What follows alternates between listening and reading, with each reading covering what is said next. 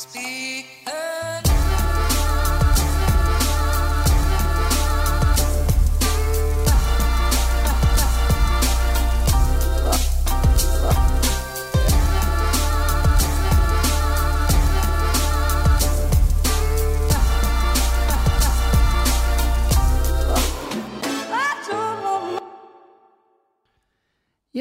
god dag, og velkommen til Klagemuren. Det er lørdag den 12. februar, og klokka mi er 11.54.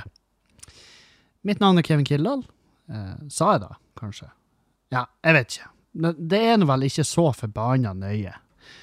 Eh, jeg har eh, ikke spilla inn denne uka fordi at Og eh, det er jo fordi at jeg hadde min første min første skikkelige arbeidsuka i en, i en uh, vanlig dagjobb. En uh, helt uh, typisk dagjobb som den norske arbeidsflokken tar seg. Og jeg har fått meg jobb i Bodø kommune. Ja, i Bodø kommune. Som, som vi skal komme tilbake til. Men, eller vi skal snakke om det akkurat nå. Jeg gidder ikke å, jeg gidder ikke å hoppe fram og tilbake mellom temaer, fordi at jeg har vist seg at jeg er ikke så flink å komme tilbake igjen. Jeg kan hoppe mellom temaer, men jeg kommer aldri tilbake. Så. Eh, nei, jeg har skaffa meg skaffa meg dagjobb eh, som eh, vaktmester i kommunen, eh, med god hjelp fra mine gode venner rundt meg, og jeg har jo en eh, veldig, veldig god kompis som jobber der fra før av. Så han har, så han har tipsa dem om meg. Han Kevin han er utdanna tømrer, og han går og holder seg i, i eh, Han går og holder seg i beltet og lurer på hva faen han skal gjøre med livet. Fordi at Altså, jeg tjener jo, eh, jeg tjener jo greit på standupen, og jeg tjener greit på podkasten. Det, eh, det er ikke der det ligger. Uh, grunnen til at jeg har tatt denne jobben, er jo fordi at jeg trenger uh, I hvert fall i den perioden jeg er i, så trenger jeg et eller annet å stå opp til, som ikke er eh, sinne og forbannelse, og at jeg ligger at jeg ligger og klikker på, på politikere. Sant? I de siste månedene så har jeg utvikla et sånn ekstremt hat for politikere. Og jeg har jo ikke, jeg ikke elska politikere tidligere, men nå er de der at jeg sidestiller dem med media. Altså Altså, jeg ser ingen forskjell på dem. Jeg ser ingen jævla forskjell på dem. Og det er så korrupt, og det er så jævlig. Og eh, Stoltenberg fikk eh, jobb som, eh, som sjef i sentralbanken. Og det, nei, vet du, jeg, jeg vet da faen hva jeg skal gjøre. Jeg vet da faen hva jeg skal gjøre. Så da tar jeg meg en jobb. sånn at jeg slipper å sitte hjemme og være forbanna. Og lei meg. Det er jo da det er jo mest av alt så er det depresjon. Jeg kan jo eh, Jeg kan jo eh, Jeg kan jo slenge rundt meg med diverse grunner til at jeg har tatt den jobben her, men eh, det er deilig å kunne si at penger var ikke insentiv. Og det er det vel god grunn til. Jeg vet faen hva jeg har. 186 kroner i timen, tror jeg. Se der. Nå slipper, nå slipper Avisa Nordland å kjøpe tilgang til skattelistene for å finne ut hvor mye han Kevin tjener før han flirer hele veien til banken. Flirer hele veien til banken, gjør han Kevin. Men på tur til banken så ble det, så det kutta av i et lyskryss av Lindorf, Kredinor og Intrum og hva nå enn de heter, alle de her Balance Inkasso og de, de kom kjørende opp i svarte varebiler og røkka ut fra hvert sitt bagasjerom med fullada eh, Jeg vet faen hva de bruker slags gevær nå. HK 416, eller eh, Jeg tror da, hvis ikke det er HK 416. Med mindre det, det kan jo være hva som helst. Det kan være en ny telefonmodell, for alt jeg vet. Men eh, ja. Nei, så det er ikke, det er ikke, det er ikke penger som er som er utslagsgivende her, det er bare å ha et eller annet å gjøre, Uh, som jeg også føler nyttig.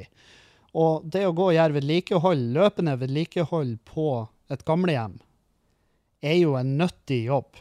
Altså, det er en jobb som må gjøres. Hvis det ikke gjøres, så, uh, ja, så blir det mørkt der. Jeg har bytta jævlig mye lyspære. Det, det har vært liksom det det har gått ut på. Og jeg er litt sånn litt sånn i in the grey hva jeg har lov å prate om. Det jeg har jo signert taushetsplikt. Ja, du må signere das taushetsplikt for du kan jobbe her sammen med oss, og det er eh, Skulle bare mangle. Det skulle bare mangle. Jeg kan si det sånn at jeg har allerede vært sånn Faen òg. Faen ta den taushetsplikta. For det foregår ting. Eh, altså, man blir jo Man får jo være vitne til ting, og man får jo oppleve ting som man gjerne skulle ha prata om. Men det får ikke jeg. Og det får så bare være. Det er jo en elendig jobb å ta seg hvis man skal skrive materiale om jobben, merker jeg. Men så tror ikke jeg at jeg tror, jeg tror ikke Norge sitter på kanten av stolen og venter på et show som er liksom ah, Det unike perspektivet til en vaktmester i helse- og omsorgsseksjonen på det kommunale nivået. Det, det, jeg tror ikke det er noen som har gått og trukket nåla ut av poteten og venta på det showet der. Sant? Men sliten blir jeg. Helvete. Og det hadde jeg også tatt høyde for at det kom til å skje. Fordi at jeg går jo fra å være en, en regelrett sofagris, ja, til å bli en fyr som, som eh, ser ned på sofagriser. Og bare «Ja, 'Finn en jobb, din late kuk'. 'Å ja, du sitter der. Du sitter der hjemme og bare syter og klager over at du får lite penger', men jeg har aldri sett det ut og arbeide. Ja, men jeg er jo ufør. Ufør, ja, det er vi alle hvis vi tenker oss godt om. Ta noe Et eller annet kan du gjøre sjøl om du trødde på ei landmine i Libanon og mangler både føtter og armer og ett øye og halve hodet, og du har ikke mage, du har bare en du har, ikke du har ikke bare utlagt tarm, men du har også utlagt munn. Sant? Jeg blir jo sakte, men sikkert han fyren òg. Han som eh, han som blir forbanna når jeg hører folk prate om at de ikke arbeider, men uh, ting er kjipt. Og så utvikler jeg også sånn kommune... Eller det er ikke, det er ikke, det er ikke forbeholdt kommunen, men sånn, eh, sånn gammel sånn håndverkerhumor. Eller sånn eh, lunsjrom over 20 år ansatt i samme foretak-humor, sant? Eh, det er mye av den slags. Og jeg elsker det. Jeg kan bare si med en gang at um, jeg, jeg liker mine kolleger. Um, det er et bra gjeng. Det er et veldig bra gjeng, og jeg har mye å lære. Helvete. Altså, man, man tenker jo at Man tenker jo at ja, de i kommunen de gjør ikke en drit. De står tre, tre stykk med hendene i lomma og venter på at uh, en innleid fjerdemann skal komme og fikse noe. Og det er av og til uh, Av og til så stemmer det. Men det har noe med at uh, Ja, la oss si det sånn her, da. Hvis, hvis jeg skal bytte et lys Hvis det, hvis det er ei lampe, ei taklampe som er gåen på et gamlehjem, så kan ikke jeg bare nøkke den av taket og eh, sette opp ei ny ei. Det kan jeg ikke gjøre. Jeg, selv om jeg har det som trengs av kunnskaper, og jeg har, eh, jeg har, jeg har en, jeg føler jeg har en grei innsikt i hva det er, eh, sånne ting. Sånne elektriske arbeider. Det, det får jeg til. Men jeg gjør det jo ikke. Fordi at La oss si at han Kevin monterer den der feil, og så brenner gamlehjemmet ned.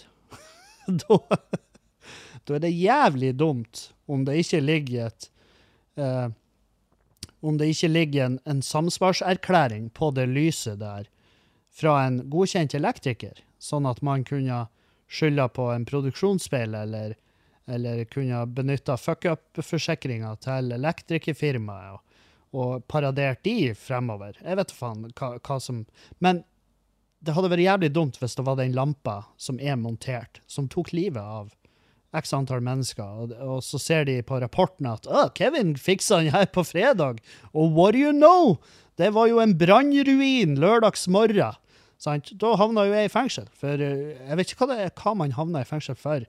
Jeg tipper, jeg, jeg tror jeg grov uaktsomhet med døden til følge. Minimum. Ellers har jeg fått uaktsomt drap. En av de to. Jeg vet Det kan vel hende at de to er det samme, bare at de de har funnet et mer politisk korrekt term, for det er sikkert noen som har vært sånn Å nei, jeg syns ikke uaktsomt drap, jeg syns det skal føres bort fordi at jeg blir stempla som en uaktsom person på daglig basis fordi at jeg jeg, jeg, jeg har en kabla et kabla stereoanlegg inni dusjen min, og det syns folk er litt sånn et tegn på at jeg er en uaktsom person, så derfor så føler jeg meg litt sånn krenka og støtt når dere sier uaktsomt drap hele tida, for da går folk ut ifra at jeg er en, en den type menneske, men jeg er ikke da foreløpig, sant? Men jeg jobber der, og det er nice. Det er veldig nice. Det er et flott gjeng.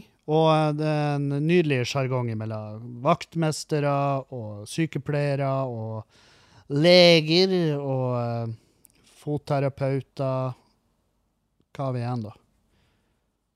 Vas eh, altså renholdsarbeiderne. Renholdsarbeiderne og vaktmesterne de kniver mye i gangene. Men det er sånn gøy kniving. Og eh, det er, det er, det er bare en nydelig sjargong der borte. Så hvis du får muligheten til å jobbe sammen med oss, go for it. Gjør det, så ses vi i kantina. Ja, ja, ja. Og hver første fredag i måneden er det kake. Nei, jeg vet ikke. Men det var kake første dagen jeg var på jobb. Jeg var sånn, nei, det hadde dere ikke trengt. Og de bare, nei, det har ingenting med det å gjøre. Det er fordi at kantina er åpen for første gang siden forever. Fordi at den har selvfølgelig vært stengt pga. pandemi. Men nå er det jo fjerna det her eh, Nå er det jo fjerna det her eh, restrictions, eh, stort sett. Jeg gadd ikke å bla meg ned til hvilke restriksjoner som ennå eksisterer. Jeg tipper det har noe med reise eller i karantene eller isolation eller noe sånt. Eh, men jeg bryr, jeg bryr meg ikke nevneverdig. Det er det som er at eh, For det første så har jeg jo ikke lenger en pub som ville gagna på det her, og, og så enn og så. Men også det her at Ja, men Kevin, nå får du opptre for fulle hus igjen. Vel, jeg, jeg skulle så ønska, men når ikke jeg selger ut de, restrik altså de restriksjonsbelagte showene en gang, så er det jo rart å skulle gå og glede seg til at Å, herregud, jeg gleder meg til lørdag! Da går han Jonas Gahr Støre på TV-en, og så sier han at vi fjerner restriksjonene! Så kan jeg opptre for flere tomme seter!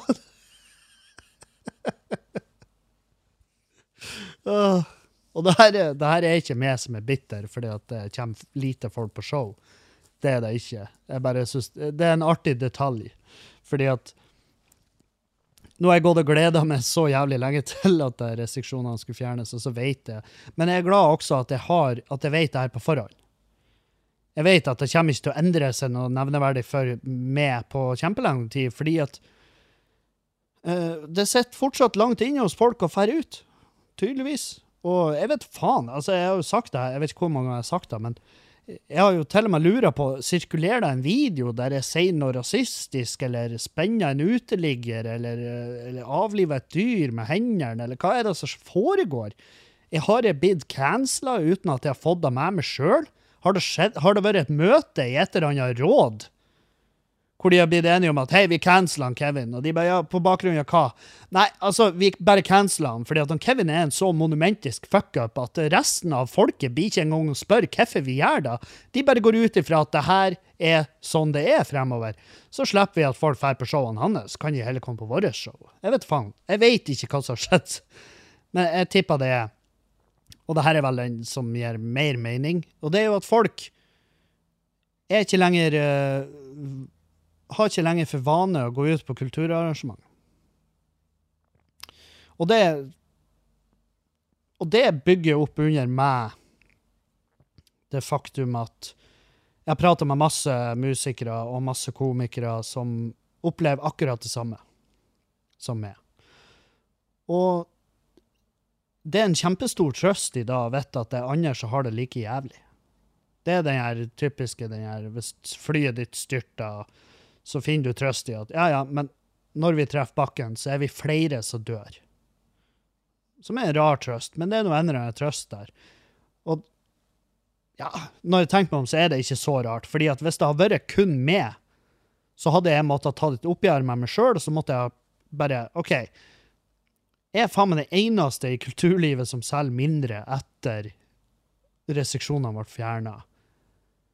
Så jeg må slutte i jobben min. Det er jo der, det er der jeg har måttet reflektert rundt når Hvis det har vært kun meg som selger lite billetter.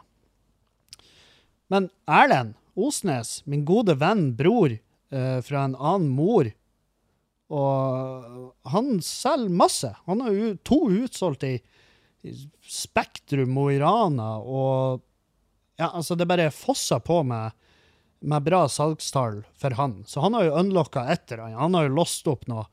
Eh, jeg vet ikke hva. Jeg vet ikke hva han har gjort. Om han sakte Om han i alt i, i all uh, I det skjulte kanskje han har drevet uh, lobbyvirksomhet blant uh, antivaksere vaksineskeptikere og sånne ting. For det, det er jo et marked der. Det er det som er.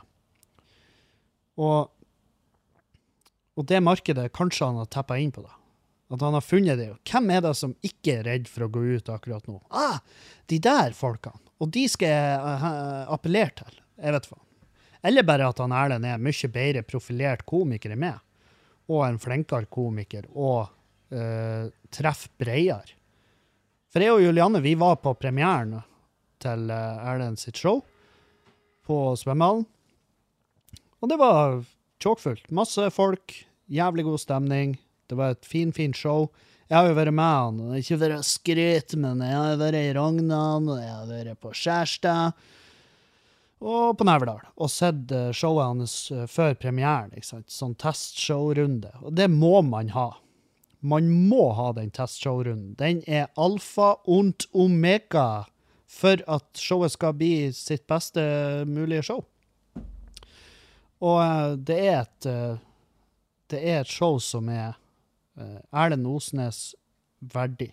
Og jeg syns at alle dere som eh, synes han er en artig fyr, skal dra og se det.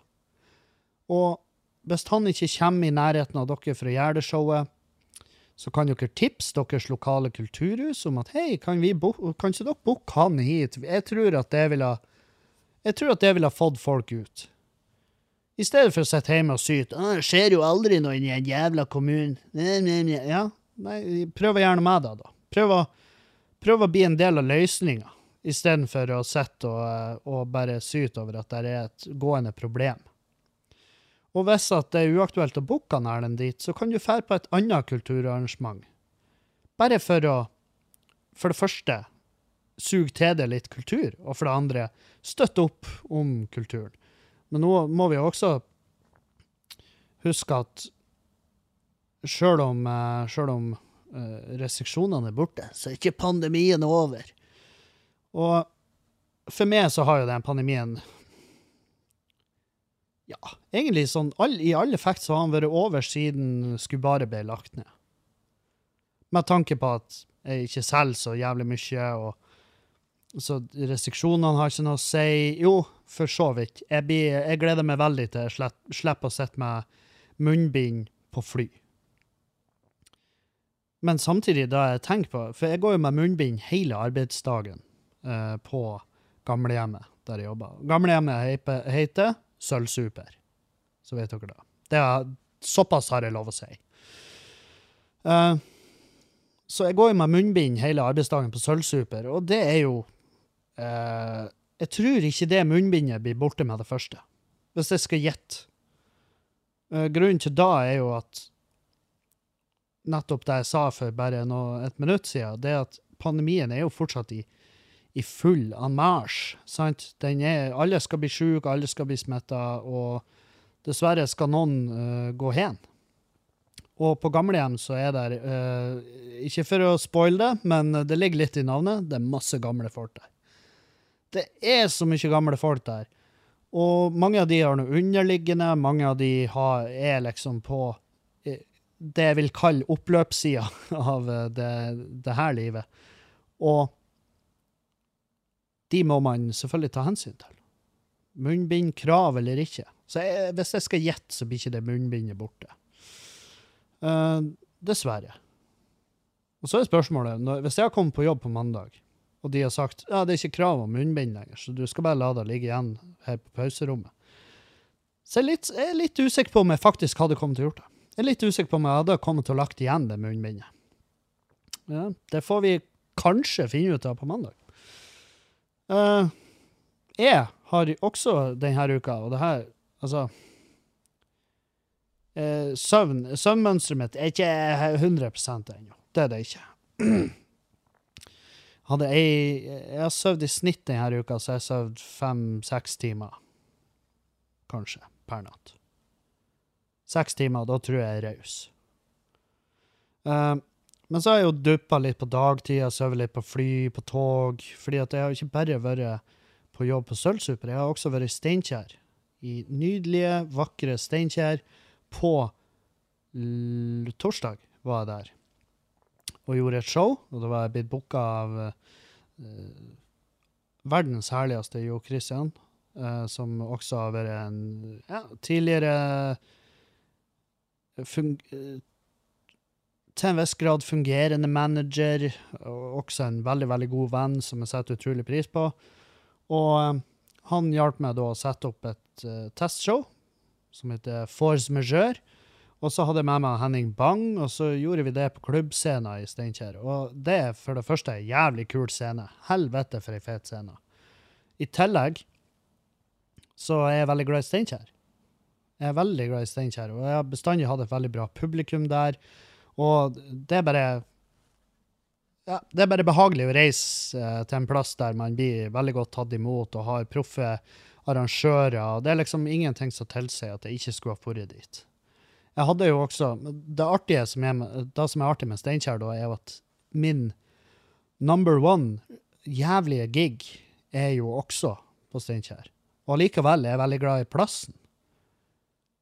Tidligere så har jeg jo vært sånn Å, jeg har gjort et uh, horribelt show der. Det er alltid gikk til faen. Uh, så jeg skal aldri tilbake dit. Men jeg har ikke den med Steinkjer.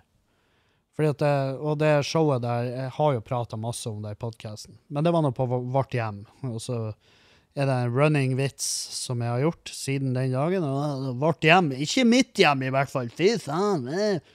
Men jeg skal ikke gå i gang med det, med det driten der. Rippe opp i de gamle sårene. Kan jo hende de har fått eh, helt andre rutiner på den plassen når det gjelder uh, ja, det å ivareta artister, uh, respekt for alkoholloven, kontroll på publikum. Hvem vet? Kanskje de, kanskje de blitt en bedre arrangør. Og jeg ønsker å la tvilen komme de til gode. Hvis det er, da, er det sånn du sier det? Er det rett sammenheng å bruke 'la tvilen komme til gode'? Ja, jeg tror det. Ja, jeg skal la tvilen komme dem til gode. Men jeg reiser nedover dit. Og det ble jo, eh, det ble jo tidlig klart at uh, hun Julianne kom til å trenge bilen min. Outlanderen min. Firehjulstrekkeren. SUV-en som står, eller han sto i innkjørselen her. Og det er jo fordi at det har jo snødd nå inn i helvete. Altså, det har snødd så mye at vi har måttet frese og mokke for å få ut Outlanderen. Noe som vil si at den der e-golfen til Julianne er jo like jævla stasjonær som verandaen vår. Som grunnmuren på huset står han støtt og nedsnødd i innkjørselen her, der han hører hjemme på vinterstid. Fordi at den jævla bilen der er ikke en bil. I, den, i det sekundet gradstokken kryper under null grader celsius, så er det ikke lenger en bil, det er en gisseltaker, og han holder oss fanga på vår egen tomt. Skal dere ut herifra, så må det bli for egen maskin. Det blir ikke med, det blir, det blir ikke med hjelp av meg, i hvert fall. Sånn prater den e-golfen. Så eh, ja. Men og Juliane kjørte meg jo på flyplassen, og det hadde hun jo mest sannsynlig kommet til å gjort uansett. Juliane er veldig snill og er verdens beste menneske, og hun kjører meg på flyplassen når hun har muligheten. Eh, Så vi susa utover, og, og hun tussa hjem igjen. Og, og greia var at hun skulle på jobb, så vi måtte fære tidlig da på flyplassen. Så jeg, jeg, var, jeg, var, jeg var Et par timer før flyet mitt skulle gå, så var jeg på flyplassen. Og da tenkte jeg ja, det går fint. Jeg jobba bra på flyplass. Så flippa jeg opp Mac-en igjen. Jeg holdt på å gå på den samme smellen som jeg gjorde på Evenes lufthavn med at det var porno på Mac-en. Jeg, jeg må installere et skript på PC-en eller Mac-en min som bare gjør at hver gang jeg lukter lokket, så så lukker han i hvert fall Chrome. Google Chrome, sånn at ikke det spretter opp igjen i det sekundet jeg åpner den foran andre folk. For nå er det altså bare et spørsmål om tid før jeg gjør det på, i en horribelt dårlig sammenheng. Sant? Det er bare et spørsmål om tid. Sjøl om jeg kan Jeg har det vanskelig for å forstå hva som kan være en dårligere plass å se porno enn på en flyplass. Midt ute der blant folk. Uh, så eh, flyr jeg nedover til eh, Trondheim, og derifra skal jeg, ja, jeg flyr nedover til Værnes lufthavn. Og derifra skal jeg ta toget til Steinkjer for å gjøre jobben. Og eh, når jeg kommer til lufthavna, så blir det jo også åpenbart at flyet mitt har akkurat vært så forsinka at jeg rekker ikke det toget som jeg hadde sikta meg inn på. Så da, har, da vet jeg at å, jeg har masse ekstra tid her på Værnes. Da. da skal jeg spise, for jeg var fette sulten. Jeg var så sulten. Så jeg går og setter meg på Max Burger. Og grunnen til at jeg satte meg på Max Burger, var at alle prater om Max Burger i Bodø, fordi at det skal komme. Det er et rykte, og er, jeg har noe inside info. Så eh, det blir jo å komme Max Burger til Bodø, og hvis jeg skal gjette, så blir det Max Burgeren. Og overta lokalene til Burger King. Og folk har uttalt 'Å, endelig noe ordentlig burger i de lokalene'. Og jeg bare Hva faen er forskjellen? Kan du være så vennlig å forklare meg hva som er forskjellen på de der to produsentene av ihjel-antibiotika, resistente, svære, ekle kyr fra Nederland, sånn belgisk blå, som bare trør og bare får pumpa mer penicillin i kroppen enn de får vanlig grønt fôr. Fortell meg hva som er forskjellen på burgerne fra Burger King og Max Burger. Og ja, jeg er sikker på at jeg tikka off, altså at jeg sitter en at det sitter en fastfood-entusiast og fråda hamburgerdressing imellom den ekle, stri, pistrete pubesparten sin, så det fossa både, både gul cheddar, og det, nå har jeg oppe fingrene for å lage gåseøyne, fordi at hvis du mener på tro og ære at den gule, ekle, tjukke osten som er oppå en Burger King eller en Max Burger, er ekte cheddar, vel, tru om igjen. Ta og kjøp, fær på Eurospar, kjøp det cheddar, og så sier du til meg etterpå at det dritten du får slengt etter det på de her jævla rotthullene av fastfood-kjeder, er ekte cheddar. Skjer ikke. Når det er sagt, så vil jeg også ha det bare ut på bordet her at jeg spiser gjerne på Burger King eller Max Burger fra tid til annen.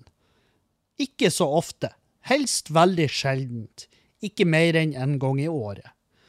Og det er fordi at jeg kan ikke tillate meg sjøl å bli glad i den der type mat. Det har jeg jobba altfor hardt for å, for å skulle hive alt det driten der ut vinduet, for å kunne nyte uekte gul cheddar på noe E-stoffkjøtt. Sant? Det gidder jeg ikke. Det er ikke verdt det.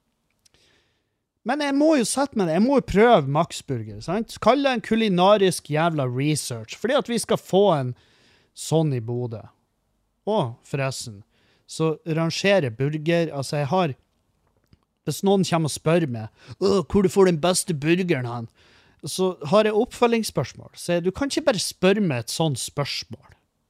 Det går ikke an.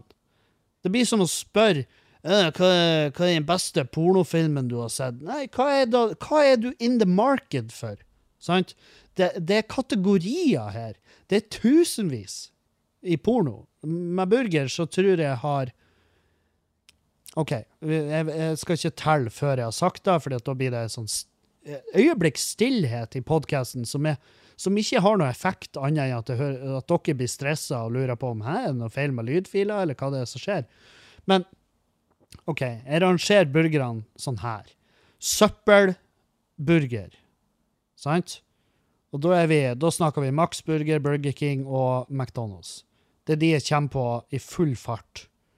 Men der er garantert flere. Og det er søppelburgerne. Og jeg vil si at øverst på lista der for min del, så ligger uh, McDonald's. Faktisk. Nei, faen, kanskje Max Burger. Jeg var jævlig fan av den pommes fritesen der. Den var nice. Så ja, Max Burger. De har tatt over plassen. McDonald's, step aside. Dere eh, kan underbetale noen på deres egen tid. Jeg blir ikke brukt mer tid på McDonald's. Det, det er søppelburger, sant? Det er ene kategorien. Og det går greit. Av og til så må man ha søppelmat, og, det er, og noen liker det bedre enn andre. Så enkelt er det. Det er ikke noe mer. Så snakker vi neste kategori, og det er den typisk klassisk gatekjøkkenburger slash veiburger. Jeg har satt de i lag fordi at nå er bensinstasjonene de er kommet til det punktet at de er minst like flinke å lage burger som et typisk gatekjøkken. Kanskje, i, og ikke bare kanskje, men i mange tilfeller bedre. Um, og på gatekjøkkenburger så havna i mitt, og det her er, blir jo litt lokalt, men det blir jo en annens gatekjøkken i Bodø. Utvilsomt, for min del. Og det er fordi at de er ekstremt tilpasningsdyktige, det er relativt billig, og det er skikkelig god, gammeldags classic gatekjøkkenburger. Og de har veldig gode pommes frites, og når jeg spør, så hiver de ost på pommes fritesen, som er en greie jeg gjør, og jeg vet, ja Nok en gang, det her er ikke noe jeg gjør ofte. Og det er av den grunn at hvis jeg hadde gjort det ofte, så hadde jeg vært død nå. Så der ligger, der ligger Annas øverst, i gatekjøkken slash road eller veiburger. Andreplass ligger Esso på Ytteren, utafor Mo ennå. Men uh, det er jævlig lenge siden jeg har spist burger der, og jeg har hørt at det har skjedd noen forandringer i oppskrifter og sånne ting, så jeg tar også forbehold om at de kanskje har mista den plassen. Eh, noen tenker sikkert Å, hvor i faen kommer Bjerkvikingen? Hæ? Det er, jo, det er den beste burgeren du får tak i. Har du prøvd den, eller? Har du det? Det er den beste burgeren i verden. Nei, det er det ikke. Det er bullshit. Jeg har spist der én gang, og da ble han ene i reisefølget mitt så jævlig matforgifta at han måtte sette seg på autovernet og drite foran en bil full av kollegaer. Og vi var ikke kommet en halvtime unna der engang. Så nei takk. Bjerkvik havna langt nede på denne ratinga. Og så kommer vi til gourmetburger. Det er noe helt eget. Gourmetburger det er et helt annet fag. Det er, altså det, det er jo til tidvis, tidvis ekte matlaging. Altså, der er kokker i sving som henter lokale råvarer og lager eh, lager reddik-chips, eller jeg vet faen, dere skjønner, ikke sant? Det, det, er, et, det er et kulinarisk uh, showdown til hver tid. Og det er også fantastisk gode burgere. Og der også, ikke noe jeg gjør ofte. Fordi at jeg kan ikke tillate meg å bli glad i det heller. Øverst på kulinarisk, altså så tror jeg kanskje Sotburger i Hammerfest. Sidestilt med Bergasm i Bodø. Der har du de. Ikke Gatsby. det er jævlig mange som er sykt fan av Gatsby-burgeren i Bodø, men jeg har vel til, jeg har til gode å ha en god matopplevelse der, og jeg har spist der fem ganger. For jeg har, vi har et vennepar som bare slavisk eh, sverger til de, og av og til så må vi la det venneparet få si velja, på lik linje med at noen ja, sånn her å nei, hater, hater å gi, gi å gi oralsex til typen min, og det er en ærlig sak. Det er en kjempeærlig sak. Jeg håper jo at typen din kanskje da med tid om stunder finner seg en kjæreste som matcher mer seksuelt, da. Men eh, noen, eh, eh, jeg kan si, noen ganger så må vi gi det venneparet eh, velja si. En gang i året. Og da spiser vi der, og så blir jeg skuffa og lei meg, og så snakker jeg om det i månedsvis etterpå. Og så går det et år, og så gir vi de velja deres igjen, Og så sjekker vi om det har skjedd noe siden sist, og det har det ikke siden sist. Så eh, Jeg satte meg ned på Max Burger på Trondheim lufthavn Værnes. Og jeg bestilte meg en burger, chips, dressing og en uh, Cola Zero. Ja ja, må passe formen, vet du.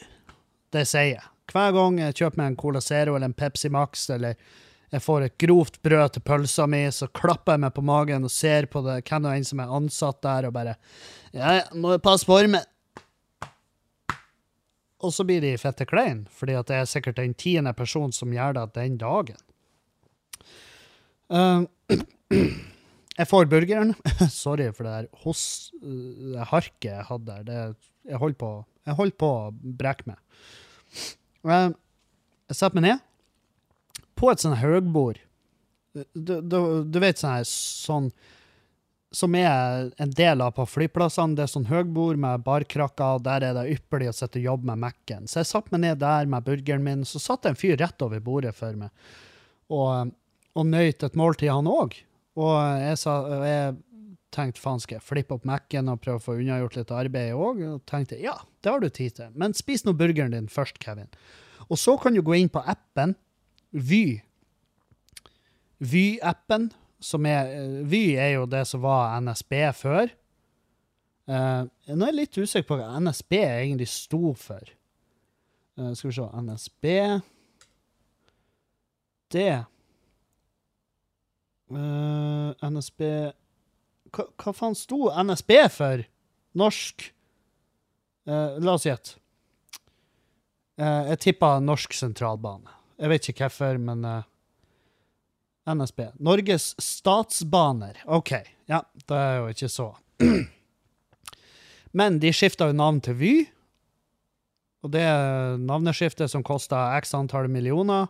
Og så gjorde Henning Bang et jævlig godt poeng når vi var i Steinkjer, at NSB skifta navn til Vy. Og det var eneste grunnen til at de gjorde det, var for å gjøre det mer spiselig for det norske folk at vi har outsourca og solgt Altså, vi har uh, Vi har godkjent et anbud fra Sverige, så det er jo det er jo derfor det, det er SJ, svensk jernbane, som driver tog i Norge. Det er ikke lenger norskt. Så, så derfor bytta de navn til Vy, for å gjøre det mer spiselig når den tid kom, at vi bare, bare heiv det ut på anbud og solgte til hvem og en som var billigst og dummest nok til å ta den forpulte jobben. Så det er Norge. Det er ypperlig. Ypperlig! Og det var Det bærer preg av. I hvert fall det toget jeg tok fra Værnes til Steinkjer.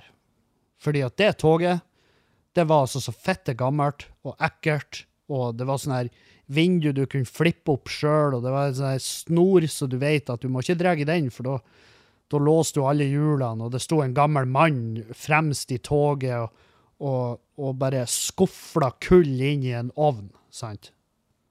Og jeg satt og limt opp i ruta og så ut vinduet og lurte på når kommer vi til Hogwarts? Er vi langt unna? Sant? Så nok om det. Jeg sitter og nyter burgeren min, og så, tenker, og så går jeg inn på Vy-appen for å bestille billett. Sånn at det er unnagjort.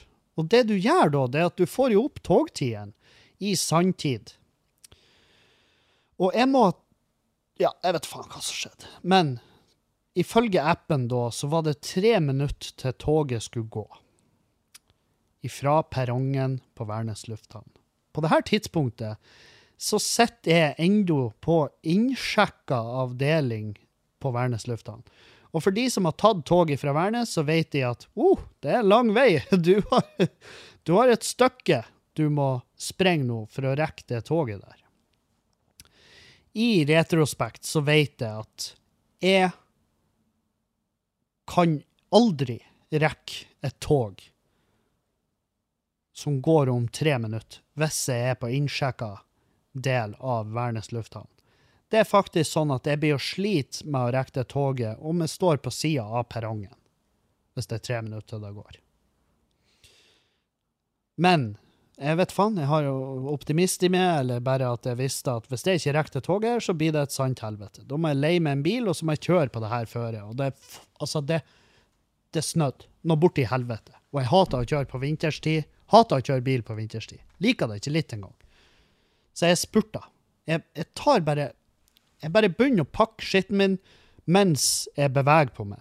Og det her stressa han fyren som satt rett over meg og jobba, han la jo merke til at jeg bare heiv alt oppi sekken. Og på med jakken, lukka sekken, og så tar jeg han på meg opp ned. Så stressa jeg. Riv på meg ryggsekken opp ned. Jeg står og ser på burgeren, chipsen, brusen og dressingen min, og så gjør jeg ei vurdering. Skal jeg ha det her? Det rekker du ikke, Kevin. Og det skjønte jeg, heldigvis. Men her er det jeg gjør. Så fette idiot er jeg. Og det her er foran masse folk. Jeg tar chipsen, dressingen og brusen og dytter det fram. Og så sier jeg til han fyren, du skal bare ta det her. Og så tar jeg burgeren og sprenger.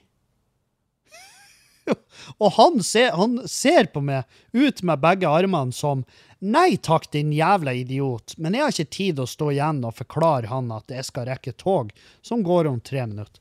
Og jeg spurta ut derifra, ned trappen, forbi bagasjebåndene og bortover gangen i skinnsko. Altså i sånne fine vintersko. Og jeg halta fordi at jeg har inngrodd tånegl på begge stortåene mine. Ja, det er fette ekkelt, og det er ondt, og den ene tåa er betent. Og jeg har hatt henne i sånn grønnsåpebad, ikke at jeg vet hva da Jeg tror grønnsåpa forhindrer infeksjoner, men det er vel kanskje litt seint. Uh, men jeg hinka i hvert fall i hunder og helvete bortover gangene der. Og get this, hør på det her, mens jeg spiser på burgeren min. Hæ? Jeg er ikke i den form at jeg kan forsvare at jeg driver på tygg i meg mat. Å ja, den økta her er så hard, jeg må i meg næring underveis. Ja, kan godt hende da, Kevin, men da kjøper du den. Kjøp deg sportsdrikker. Kjøp deg en Powerade. Du kan ikke drive på gaffel i deg Max-burger mens du prøver å slå personlig rekord i én kilometer. Det er jo helt idiotisk. Men jeg prøvde nå. Så jeg spurta bortover der og tygde på burgeren min, og jeg og jeg springer forbi folk og dulter borti de, og jeg bare sånn Sorry, jeg må rekke tog! Og jeg kommer bort til gangen, og jeg Og jeg roper Vent! I en gang jeg var i alene, så roper jeg vent! Som om lyden skulle bære gjennom hele Værnes lufthavn, ned trappen, ut på perrongen, inn og treffe øregangen til hvem nå enn som var konduktør på det jævla toget. Selvfølgelig hørte ingen da. Og det var ingen som sendte den beskjeden. Det her er ikke sånn som i Ringenes herre når de tenner vardene. Den beskjeden kom aldri fram. og jeg kommer jo til slutt ned på perrongen, og jeg er full av dressing i trynet, og hendene mine er fulle av dressing. Jeg ser ikke ut, jeg lukter dressing, og jeg hyperventilerer mens jeg har kjeften full av burger, og det renner eh, nedover haka mi og i skjegget mitt, som er begynt å vokse ut igjen, takk Gud. Men det er ikke noe tog der. Og jeg tenker, selvfølgelig er det ikke noe tog der, for det er gått. Det har jo gått. Det var tre minutter når jeg var oppe i gaten. Det var tre minutter til det skulle gå da. Selvfølgelig er det gått. Du har ikke greid å jogge ned hit på tre minutter. Det gikk jo sikkert for ti minutter siden da. Men når jeg da sjekker igjen, og ser på skjermen nede der, så viser det seg at det er en halvtime til toget er der. Så det jeg har gjort når jeg var inne og sjekka i appen, det er at jeg sjekka togtida fra Trondheim. Ikke fra Værnes lufthavn. Så jeg hadde jævlig god tid. Og så spyr jeg. Selvfølgelig. Fordi at jeg har sprunget en kilometer alt jeg makta, med kjeften full av burger. Selvfølgelig responderer ikke kroppen min positivt på det her. Så den burgeren og den lille chipsen jeg fikk i meg, og dressingen og brusen og alt det der som jeg kjøpte oppe i gaten, det var plutselig innom med, og så bare donerte den til svensk jernbane. Spydd rett ned på toglinjene. Og så kommer det folk som jeg har brøyta meg forbi gangene der for jeg skulle rekke tog. De kommer jo gående i ei veldig behagelig og begrensa fart. Men de er jo irritert fordi at jeg har basically sprunget de ned. Og lurer på hva faen skulle jeg rekke. Og jeg hørte han ene, fordi det var et par jeg sprang forbi. Og jeg hørte han sa til kjerringa si ja, 'Jeg rakk ikke uh, toget'. og så flira hun òg, fordi at de begge to visste at det gikk ikke noe tog. Det var aldri noe tog. Da bare så ut som at jeg stressa av gårde for å ete burgeren min i fred i en skygge bak en søppelkasse, der jeg hører hjemme. Noe i den, jeg vet faen. Og underveis, det her òg Hør, det her skjedde. Mens jeg sprenger, så ryker jo selvfølgelig den ene tåneglen. Den ene inngrodde tåneglen. Jeg vet faen. Men jeg kjente, og jeg kunne sverge på at jeg hørte òg, at den betente tåa mi poppa som ei landmine nedi skinnskoen min. Og det var ikke vondt, det var så fette godt. Den beste følelsen jeg har kjent i mitt liv. Men jeg visste jo at ja, nå må jeg rense skoen, og jeg må hive den sokken. Men det dreit jeg for jeg skulle rekke tog.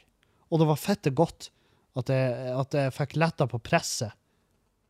Og uh, oppdatering nå, no, noen dager etter, den tåa er helt fin. Ser helt fantastisk ut. Og jeg tror jeg har kontroll på den neglen. Og jeg skal slutte å, å klippe neglene i en bue. De skal tydeligvis klippes helt rett. Hvis du klipper det i en bue, står du i fare for å få tå inngrodd tånegl. Det er bare å google det her. Og jeg trodde lenge at inngrodd tånegl det var noe du fikk når du ikke klippet neglene dine. Så jeg har bestandig sett på det som en sånn super nasty greie. Men det er ikke det. Inngrodd tånegl er noe som du får hvis du klipper neglene i en som bue, eller at du klipper de for ofte. At du klipper de for langt inn. Da kan du få inngrodd tånegl. Og jeg tipper det er det jeg har gjort. For jeg har hatt en fæl uvane med å klippe tåneglene så langt inne at ja, at det er vondt. Og når jeg gjør det, så tenker jeg ja, der kjøpte jeg meg ei uke ekstra. det er sånn jeg tenker. Jeg vil at det skal ta langst mulig tid før neste gang jeg må klippe de jævlene. Så det går jo selvfølgelig da en Ja, det går en liten halvtime. Og så kommer det toget, og så setter jeg meg om bord i det. Og så har jeg en kjempefin togtur til Steinkjer i det trollgamle Hogwarts-toget som svensk jernbane har drista seg til å plassere på vår linje her. Det er jo sikkert et norsk tog.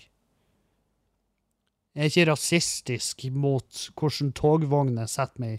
Jeg bare skulle ønske at de togvognene var på denne sida av 2000-tallet i produksjonsår. I hvert fall på denne sida av 1900-tallet, i hvert fall. Men ja.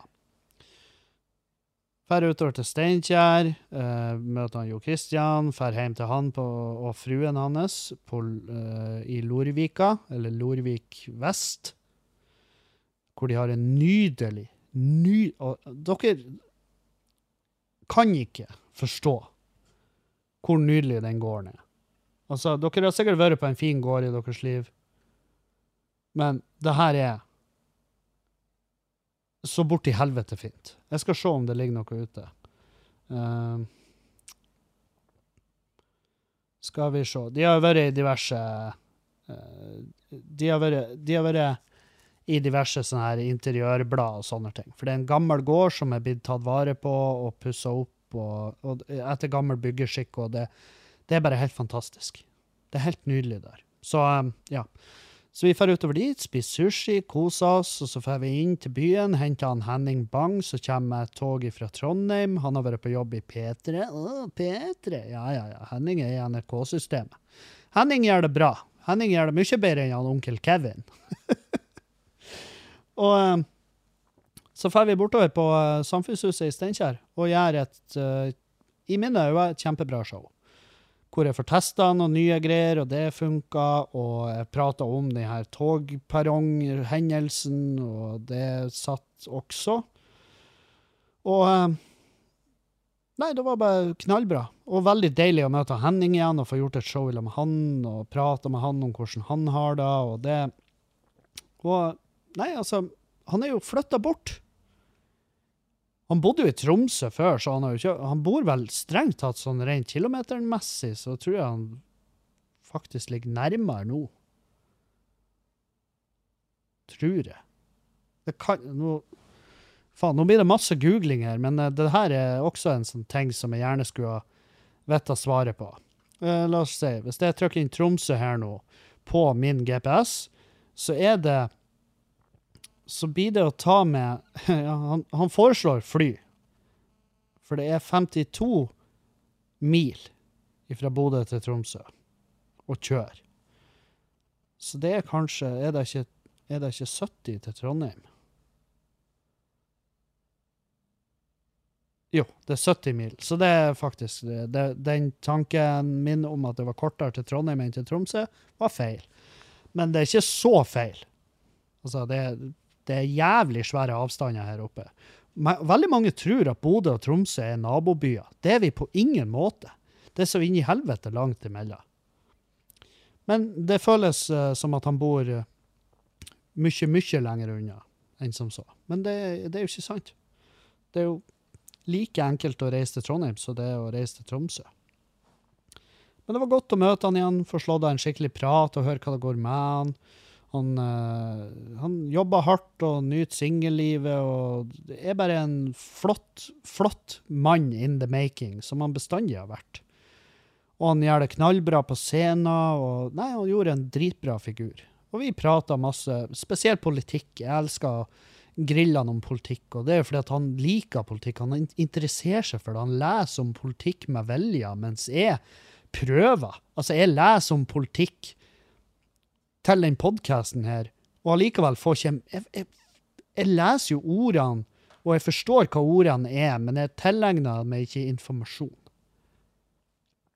Jeg har jo lest nok om politikk til å vite at det foregår eh, eh, ganske mye horribelt spill i politikken. Og det er en type horribelt spill som gjør at han Giske får lov å rause fra aska av eh, Ja, han, han, Giske røyser fra ask, det, aska av den offentlige brenninga av hans tidligere varslere.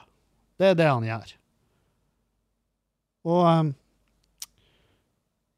Erlend har jo hinta til at han kommer til å bli statsminister en dag. Ja, det hadde ikke, det ikke overraska meg. Hvis da Jens Stoltenberg faktisk kunne få den jobben der, etter alt det som har vært lagt fram av grunner til at han ikke skal få den, eh, ja, så har jeg ingen problemer med å tro at Giske kan bli statsminister en dag. Null stress. Det tar jeg, det tar jeg nesten som en selvfølge. Det politiske spillet i Norge er blitt så skjettent og så tydelig og så skamløst og så offentlig at vi begynner å legge veldig, veldig hardt på mm, la, oss, la oss bare trekke et land ut av løse lufta. USA, sant? Um, ja, så vi gjør det showet, og så var det bare rett bort på gården. Uh, etter å ha spist Det er veldig gøy. Vi, vi, før vi for tilbake på gården etter showet, så var jeg sånn Jeg er sulten. Og det gir jo mening. Og så han bare Ja, det eneste som er åpent nå, det er bensinstasjoner. Så var jeg sånn Ja, ja, da spiser vi der, da. Så drar vi på en bensinstasjon, og så sier jeg Jeg blir å bestille meg en burger. Og det går greit, fordi at jeg har spist en burger tidligere i dag, ja, men jeg kasta den opp. Og det her er ikke meg som eh, rettferdiggjør min, min kost med at jeg, at jeg er en uh, togbulimiker, men det er akkurat det jeg gjør. Eh, så i og med at jeg kasta opp den burgeren fra tidligere den dagen, så rettferdiggjør jeg for meg sjøl at jeg kjøper en burger der, som er veldig gøy. Men samtidig, jeg har dritgod samvittighet, og jeg spiste den burgeren med fuckings magi i øynene. Og grunnen til det er at jeg har vært flink å trene. Sant? Jeg har vært flink ellers med kostholdet, flink å trene, flink å arbeide. Min frekvens i bevegelse har jo økt uendelig. Altså, det går ikke an å bruke prosentregning. Eller jo, det er det. Og det er faktisk prosentregning som ville vært den rette måten å regne ut hvor mye min aktivitet har økt fra det tidligere gjennomsnitt. Det jeg kan si, at etter jeg begynte å jobbe på Sølvsuper, så har jeg jo hatt langt over 20 000 steg dagen, mens før den tid, før jeg fikk denne jobben, så har jeg snitta på rundt 6000-7000 steg daglig, og det er veldig lite. Det, det, det er så lite som du kan før du faktisk er Stephen Hawking, sant? Så eh, Så ja. Det har vært uka mi. Rett og slett. Uh, I dag så har jeg stått opp og Altså, fordi at når jeg kom hjem i går, etter å ha vært i Steinkjer, så tok jeg veldig tidlig flyet. Jeg måtte stå opp klokka fem om morgenen, ta toget fra Sparbu til Værnes, flyg hjem. Flyg hjem igjen. Hjem til mor. Hjem til Julianne. Hun hadde vært på flyplassen og parkert bilen min der, og så hadde hun dratt til frisøren. Jeg kom rett ut av flyplassen, hoppa i bilen, kjørte på arbeid. For på jobb på Sølvsuper. Var der til stengetid, og så for jeg og sjekka ut den nye scenen vår på Quality Hotel Ramsalt her i Bodø, og jeg tror det blir fette rått. Jeg tror det blir dritnice der. Uh, eller jeg vet det blir dritnice. Men ta så kom dere ut på show. Vi har klubbkvelder i neste uke. Så har vi onsdag på Prelaten i Tromsø. Vi har torsdag på Quality Ramsalt i Bodø, og så har vi fredag på Samfunnet i Bodø. Så kom på show! Vær så snill! uh, og alle dere som er på Patrion, bare send meg melding, skal dere få billetter. Null stress. Alle patrions, send meg melding. Dere får gratis billetter. Boom! Eh, så ja. Jeg var sliten i går, da. Det er det jeg prøver å si. Når jeg kom hjem fra arbeid, så var det godt å ta helg. Og også veldig deilig å ha tilbake den helgefølelsen. Sjøl om jeg vet at veldig mye fremover så blir jo helgefølelsen litt sånn borte, i og med at jeg skal reise og opptre av og til i helgen. Men jeg har også sagt nei til masse gigger. Jeg har avlyst et par. Uh, og det her er på grunn av min egen helse. Så de gigene jeg har igjen, er gigger som jeg vet at det hadde kommet til å tynge meg mer psykisk og ikke gjort de, eller det hadde kommet til å tynge meg mer økonomisk og ikke gjort de. Um, og så er det noen giger der det ikke har vært solgt en jævla billett, og da er det veldig lett for meg å avlyse de gigene. Fordi at hvis ikke, hvis ikke folk har lyst, lyst til å komme på show, så har ikke jeg heller lyst til å dra dit og gjøre show. Og det er så enkelt. Altså, det er ikke meg som er bitter. Men du kan jo se det sånn her. Jeg blir ikke å hive meg i bilen og kjøre med ren jævla dødsangst på vinterføre hele veien til Steigen for å gjøre show der, når det er solgt én billett. Det skjer ikke. Så det showet er avlyst. Og så enkelt er det. Fordi at det hadde kommet til å koste meg så jævlig mye.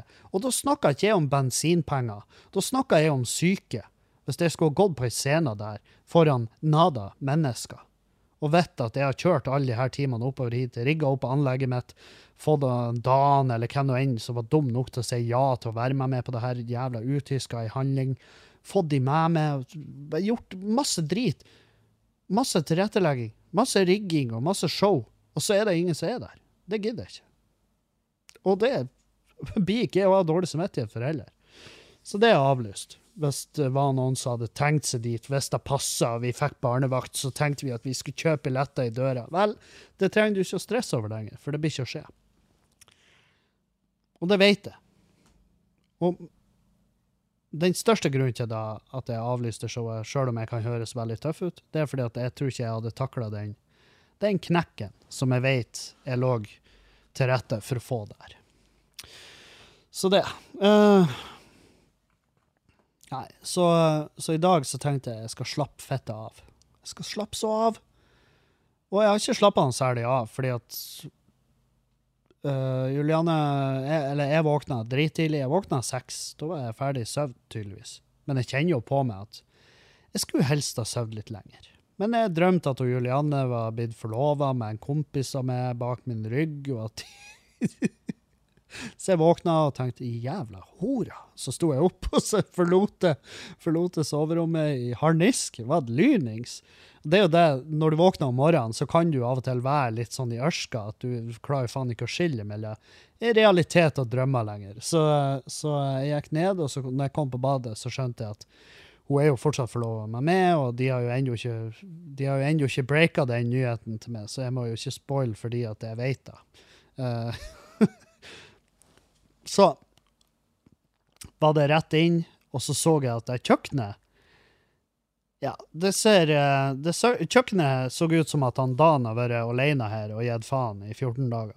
Da var altså faen meg Det så ikke ut. Så eh, jeg gikk, eh, jeg gikk i gang med skikkelig rengjøring av kjøkken. Og da snakka vi til altså, da snakka vi til et sånt nivå at jeg kjørte rens på kaffemaskin, og jeg kjørte pyrolyse på ovn, og jeg skrubba platetoppen. Og jeg vaska opp. Og det som ikke var plass til i opp oppvaskmaskin, det tok jeg for hånd. Og jeg rydda. Jeg tømte alle søppelboksene. Vi har fire søppelbokser under kjøkkenbenken vår. Det er papir, det er rest, det er glass, og det er plast. Og, det, og så har vi mat. Så vi har fem bokser. Og de her burde Jeg håper alle sorterer hjemme. Vær så snill og bare gjør det. Ikke bare er det flott gjort mot uh, verden rundt deg, men det blir å gi deg òg en følelse av mestring.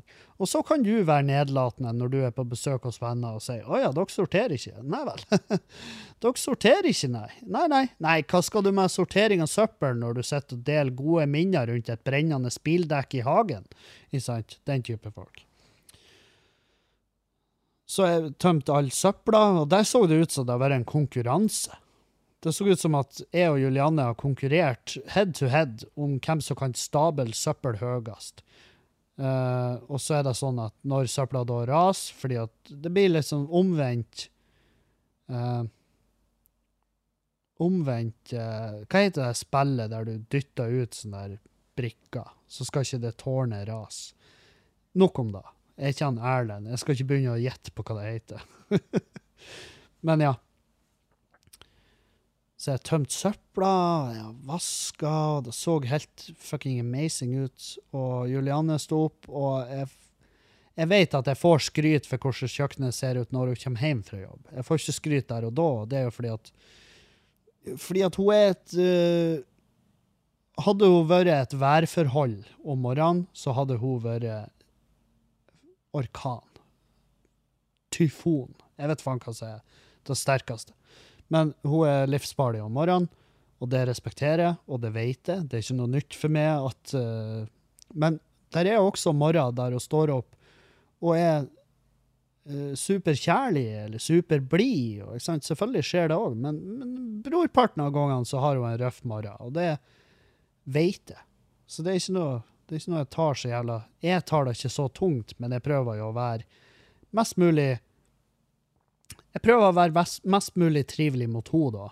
Sånn at, jeg, sånn at jeg hva nå enn jeg gjør eller sier, skal gi henne en dårligere dag på jobb. Uh, så hun står opp, og så setter hun seg i uh, min bil og drar på jobb, uh, mens jeg står igjen med e-golfen og en nedsnødd innkjørsel. Altså det, altså det, er så mye snø utenfor det huset her nå. Og jeg har jo den fresen som broren min var og slapp av. Uh, og den fresen er jo Jeg tror den er så drit som en fres kan bli, før at det egentlig bare er en veldig tung spade som jeg går og dytter. og den er altså faen meg Den drar mer til ei side, så jeg bruker Jeg blir å få så enormt bra støttemuskulatur på høyre side av kroppen min fordi at jeg må støtte mot, jeg må dytte imot med høyresida av kroppen, fordi at venstresida av denne fresen drar altfor hardt i forhold til høyresida.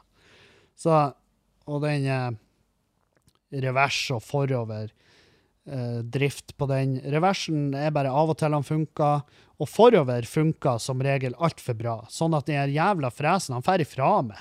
Han bare Snakes aldri! Og så bare færer han, river ned postkassestativet i veien, og så ut på eh, riksveien, og så stikker han til Sverige og handler billig røyk. Jeg vet faen hvor han skal hen, men fresen stikker i hvert fall ifra meg, og det er gang på gang. Og eh, Ja. Så Jeg har, har jo vært sånn her at jeg har lyst på en ny fres, men jeg kan jo, kan ikke i, i, jeg kan ikke i noen jævla parallelle univers forsvare kjøpet av en ny fres i dagens økonomiske situasjon. La oss bli ferdig med den her evige jævla runddansen med skatteetaten og Nav og, alle de her jævla etatene som er så fette flinke å følge opp når jeg er skyldig de, men de er ikke særlig flinke å følge opp når jeg gjerne skulle hatt godkjent søknader om stønad osv. osv. Så, videre. Så ja, fuck de her etatene. Fuck de. Skikkelig beinhardt. Hvis du jobber i skatteetaten Helvete. Det må være deilig å være så sosiopat at du greier å sove etter en dag på jobb. For maken til jævla mennesker som har null form for Altså, det er ikke det, er ikke det grann av skjønn i bildet der. Og jeg vet at jeg har lyttere som jobber for skatteetaten, og de sitter sikkert og flirer. ja, det er en situasjon du har sittet i deg sjøl. Nei, skyt deg sjøl. Det, det, er ikke jeg som har sittet med i den situasjonen. Det er ingen. Det er ikke dere engang. Det er en pandemi her, og jeg skulle ønske at det var bare litt rom. Litt, litt rom for lytting, skulle jeg ønske det var. Og de er flinke å lytte, det, det, er de. Det skal de ha. Det eneste er at jeg skjønner ikke hvorfor de lar meg gå og prate i 60 minutter hvis de ikke har tenkt å Altså, hvis de vet fra første minutt at ja, han må jo bare prate så lenge han vil, han skal jo få lov å bli lytta til, men eh, alle her vet jo at vi blir ikke å gi han noe annet enn fingeren og fuck you. Så ja, jeg vet det har vært en sånn hackedude. Det har vært noen som har drevet på hacka, de har hacka fylkeskommunen, de har hacka masse gær. Hack nå skatteetaten! Ta noe Har du sett noen av de her hackerfilmene og seriene?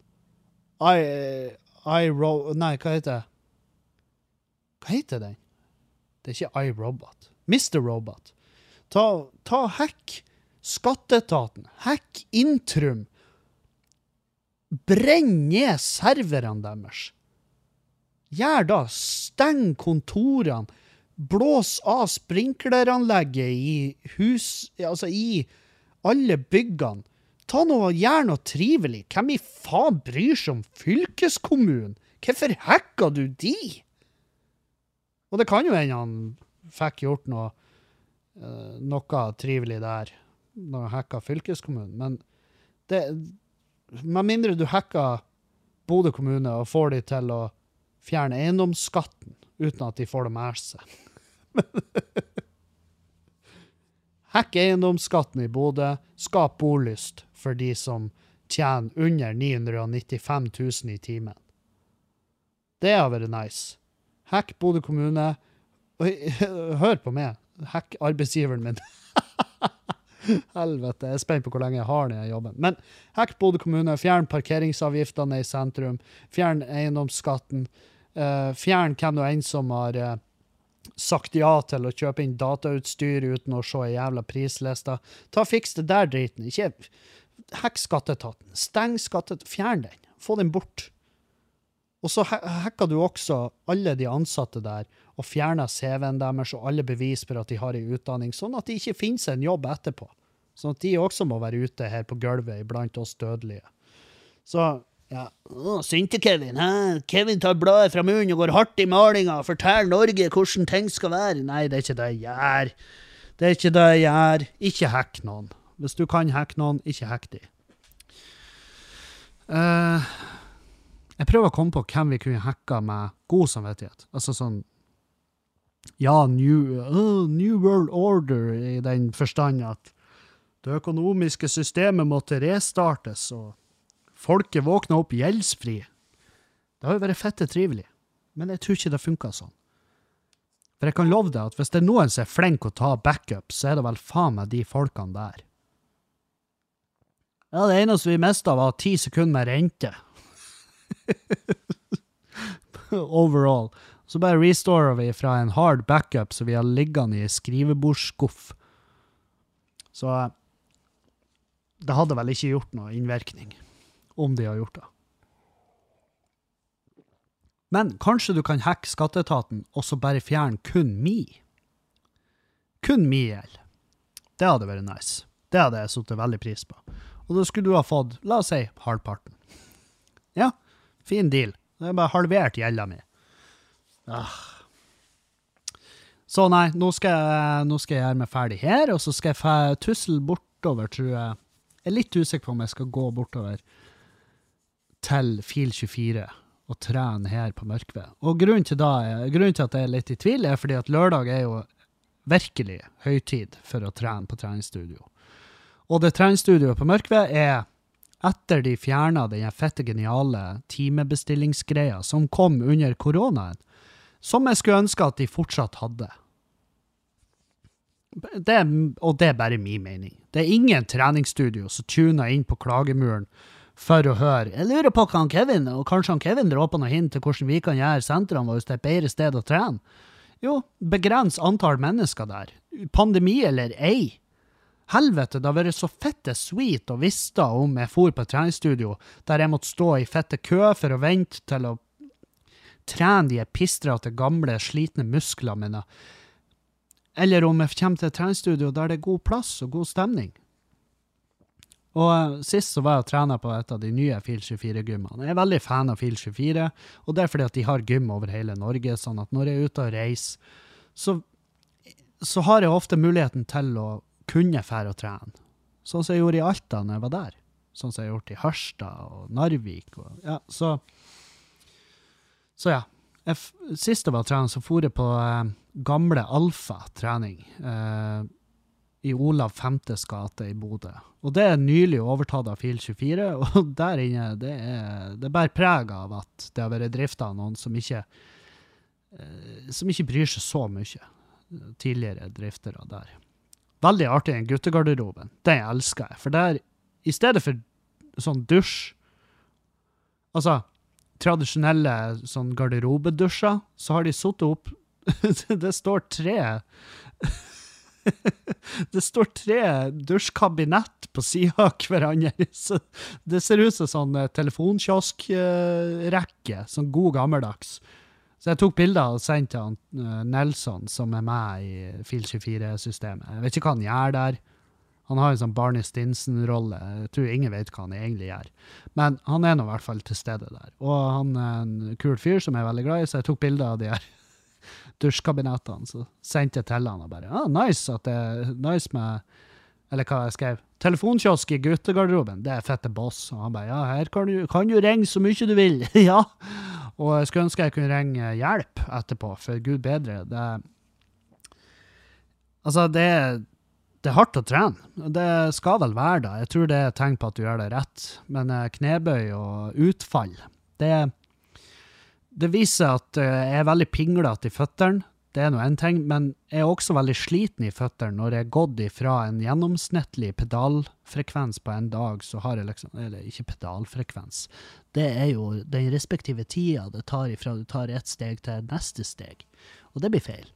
Jeg tenker på antall skritt. Jeg er jo gått ifra 6000 til over 20 000, og så snakker vi jævlig mye trapper. For det hvis du, altså, det er fire etasjer pluss kjeller på Sølvsuper, og jeg bruker veldig ofte trappen. Eh, ikke bare fordi at jeg prøver å være en sunnere fyr, men det er mest, mest av alt på grunn av det.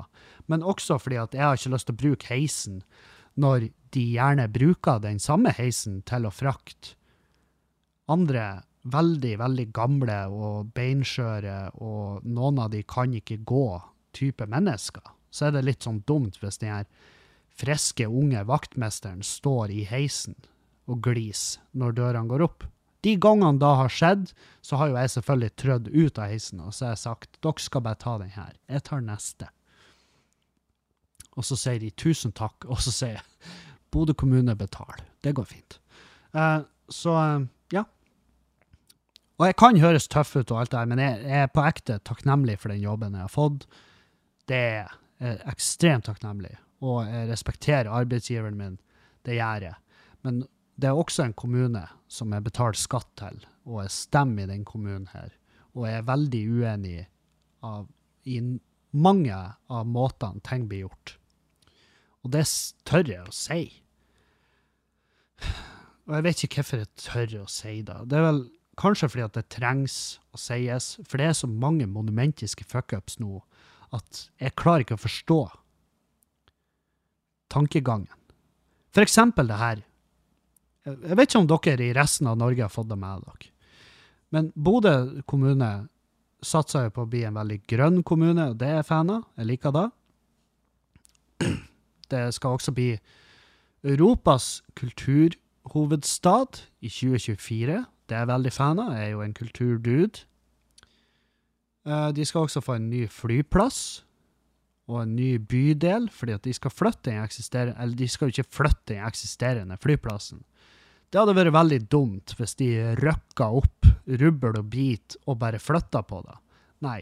Det som står der nå, skal rives, og så skal det saneres, og så skal det bli en ny bydel der. Så skal de opprette en ny flyplass lenger bort og ut i havgapet. Og det er jeg også veldig fan av, fordi at jeg syns Bodø lufthavn er en Den står ikke i stil til resten av byen, og i hvert fall ikke det som resten av byen skal bli. Alle disse tingene er jeg veldig fan av, men alle disse tingene koster uhorvelige mengder penger. Så har Bodø kommune havna Og den rettssaken jeg prata om, men de har havna i en tvist der de har godkjent et anbud fra en leverandør som ikke har levert ifra seg prisliste engang. Det vil si at det er blitt godkjent ulovlig. Og i den anbudsrunden, hvis de hadde levert prislistene, så hadde ikke de fått det anbudet. Fordi at de er altfor dyre. Og dermed så har jo en av de andre anbudsregnerne de har saksøkt Bodø kommune for tapt arbeidsfortjeneste, fordi at hvis det hadde vært en fair og ekte og lovlig anbudsrunde, så hadde de fått den leveransen av datautstyr og hardware og greier til Bodø kommune. Men sånn ble det ikke. Så de saksøkte Bodø kommune. Bodø kommune fikk fette juling i rettssalen. Bodø kommune fikk jo et forliks... Eh, tilbud før jul som var på 40 mill. De takka blankt nei og sa 'I'll see you in court', og det fikk de. De fikk virkelig se seg i retten. Og nå er Bodø kommune skyldig over 100 mill. Eh, å bli kulturhovedstad kosta masse, masse millioner. Eh, milliarder. Eh, flyplass òg, tror jeg vi snakka om milliarder. Det er penger. Det er djevelsk mye penger i sving her. Og så har de kjøpt seg LED-buss. Grønne LED-busser. Eller sånn trekkspillbuss, som jeg har kalla det helt til jeg ble 32 år gammel. Jeg blir 33 ganske snart. Eh, om ni Nei, åtte dager. Nei, åtte. Ti dager så blir jeg 33.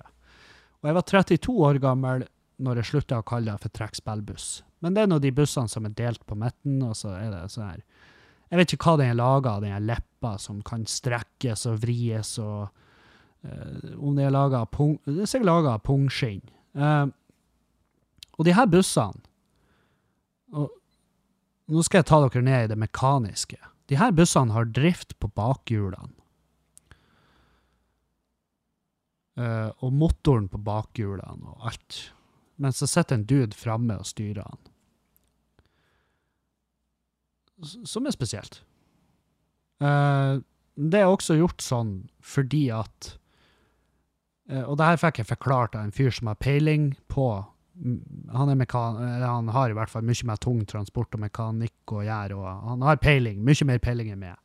Så jeg bare tar det for god fisk, det han sier. Men da han sier at Eh, Grunnen til at de bussene er bygd sånn, er fordi at sjåførene skal slippe å ha et så jævlig heftig sertifikat for å kjøre de. Det er eneste grunn. Det er, eneste, det er penger spart. På akkurat der har de bestemt seg for at her skal det spares penger. Men vi har i hvert fall brukt enorme mengder penger på å kjøpe inn sånne busser til Bodø, imot anbefalinger fra alle som har peiling absolutt alle som har litt peiling, har sagt ikke gjør det her. Kanskje selgerne av de bussene har vært litt sånn Nei, må ikke høre på de, de er bare sjalu for at de ikke får seg en sånn buss. Nei, det er sant. Ikke kjøp de bussene. Det var det alle med over 80 i IQ sa. Um, fordi at de er ikke laga for de her forholdene som vi har her i Bodø. Og de bussene eh, var på veien i jeg vet ikke hvor lang tid ca. ett magedrag for en person med kols. Så lenge var de bussene i drift før de var tatt ut av rotasjonen i Bodø. Nå står de og støver ned. Fordi at de kan ikke kjøre ti meter uten å sette seg fast her i byen, og det sier seg nå for faen sjøl. Så det er vel nok en plass der jeg føler at hvem nå enn som har tatt de her avgjørelsene, må stikke. De må finne noe annet å gjøre. Men ja, det er jo veldig enkelt for meg å sitte her på min høye, hvite hest og uttale meg om hva folk skal gjøre og ikke. Men ta det nå for da det er. Det er humor. Det, går, det, det er bare drit. Det er bare da jeg gjør her. Så ikke bli sur. Ikke klikk. Ikke spark meg, Bodø kommune. jeg er den minst lønna personen dere har, ikke spark meg. Dere, dere har råd til å ha med der. Dere har det. Og hvis dere ikke har råd til å ha med der, vel, trekk da. Trekk min lønning ut av hva jeg betaler inn nå i eiendomsskatt, fordi at dere fjerna bunnfradraget, som var på 477 000, eller hva det var. Nå må vi skatte av det fulle beløpet av verdien på boligen vår, fordi at dere har kuka det til så borti helvete hardt at vi er på tur inn på Robek-lista. Og det er veldig artig. At kommunen jeg bor i, skal inn på Robek-lista, samtidig som vi skal bli den mest avanserte og grønne byen i Europa, og vi skal bli kulturhovedstad. Det skal bli artig å få inn eh, toppbetalte fiolinspillere til å spille på Stormen i en by som er basically nedlagt, fordi at vanlige arbeidsfolk ikke har råd til å bo her lenger. Så heia bolyst, stig på Korpo Nord, sett opp titusenvis av sjeleløse leiligheter, bygd i Polen og dytta inn i et eller annet skuffeseksjon-lignende råbygg satt opp av hvem nå enn ifra et annet land i Europa som fikk det anbudet, før de saksøkte kommunen fra rubbel og bit fordi at de gikk tilbake på en eller annen muntlig tomteavtale som tidligere ble snakka om, angivelig. Hæ, Kevin? Fy faen! Herre fred for en pod. Nei, nå føler jeg meg som en verdensmester. Og jeg føler at dette ble en fin podcast-episode. Jeg vil gi den her uh, i Kevin-sammenheng. vil jeg gi den ti av ti. Uh, jeg skal ikke prate noe mer. Jeg skal avslutte mens leken er god. Tusen hjertelig takk for følget.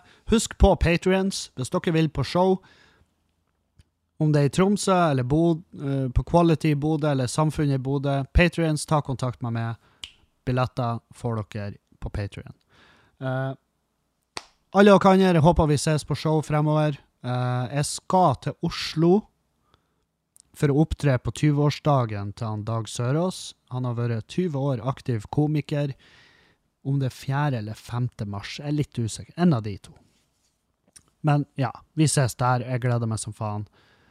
Hvis ikke, så høres vi igjen ved neste podkast. Adjø, adjø og auf Wiedersehen!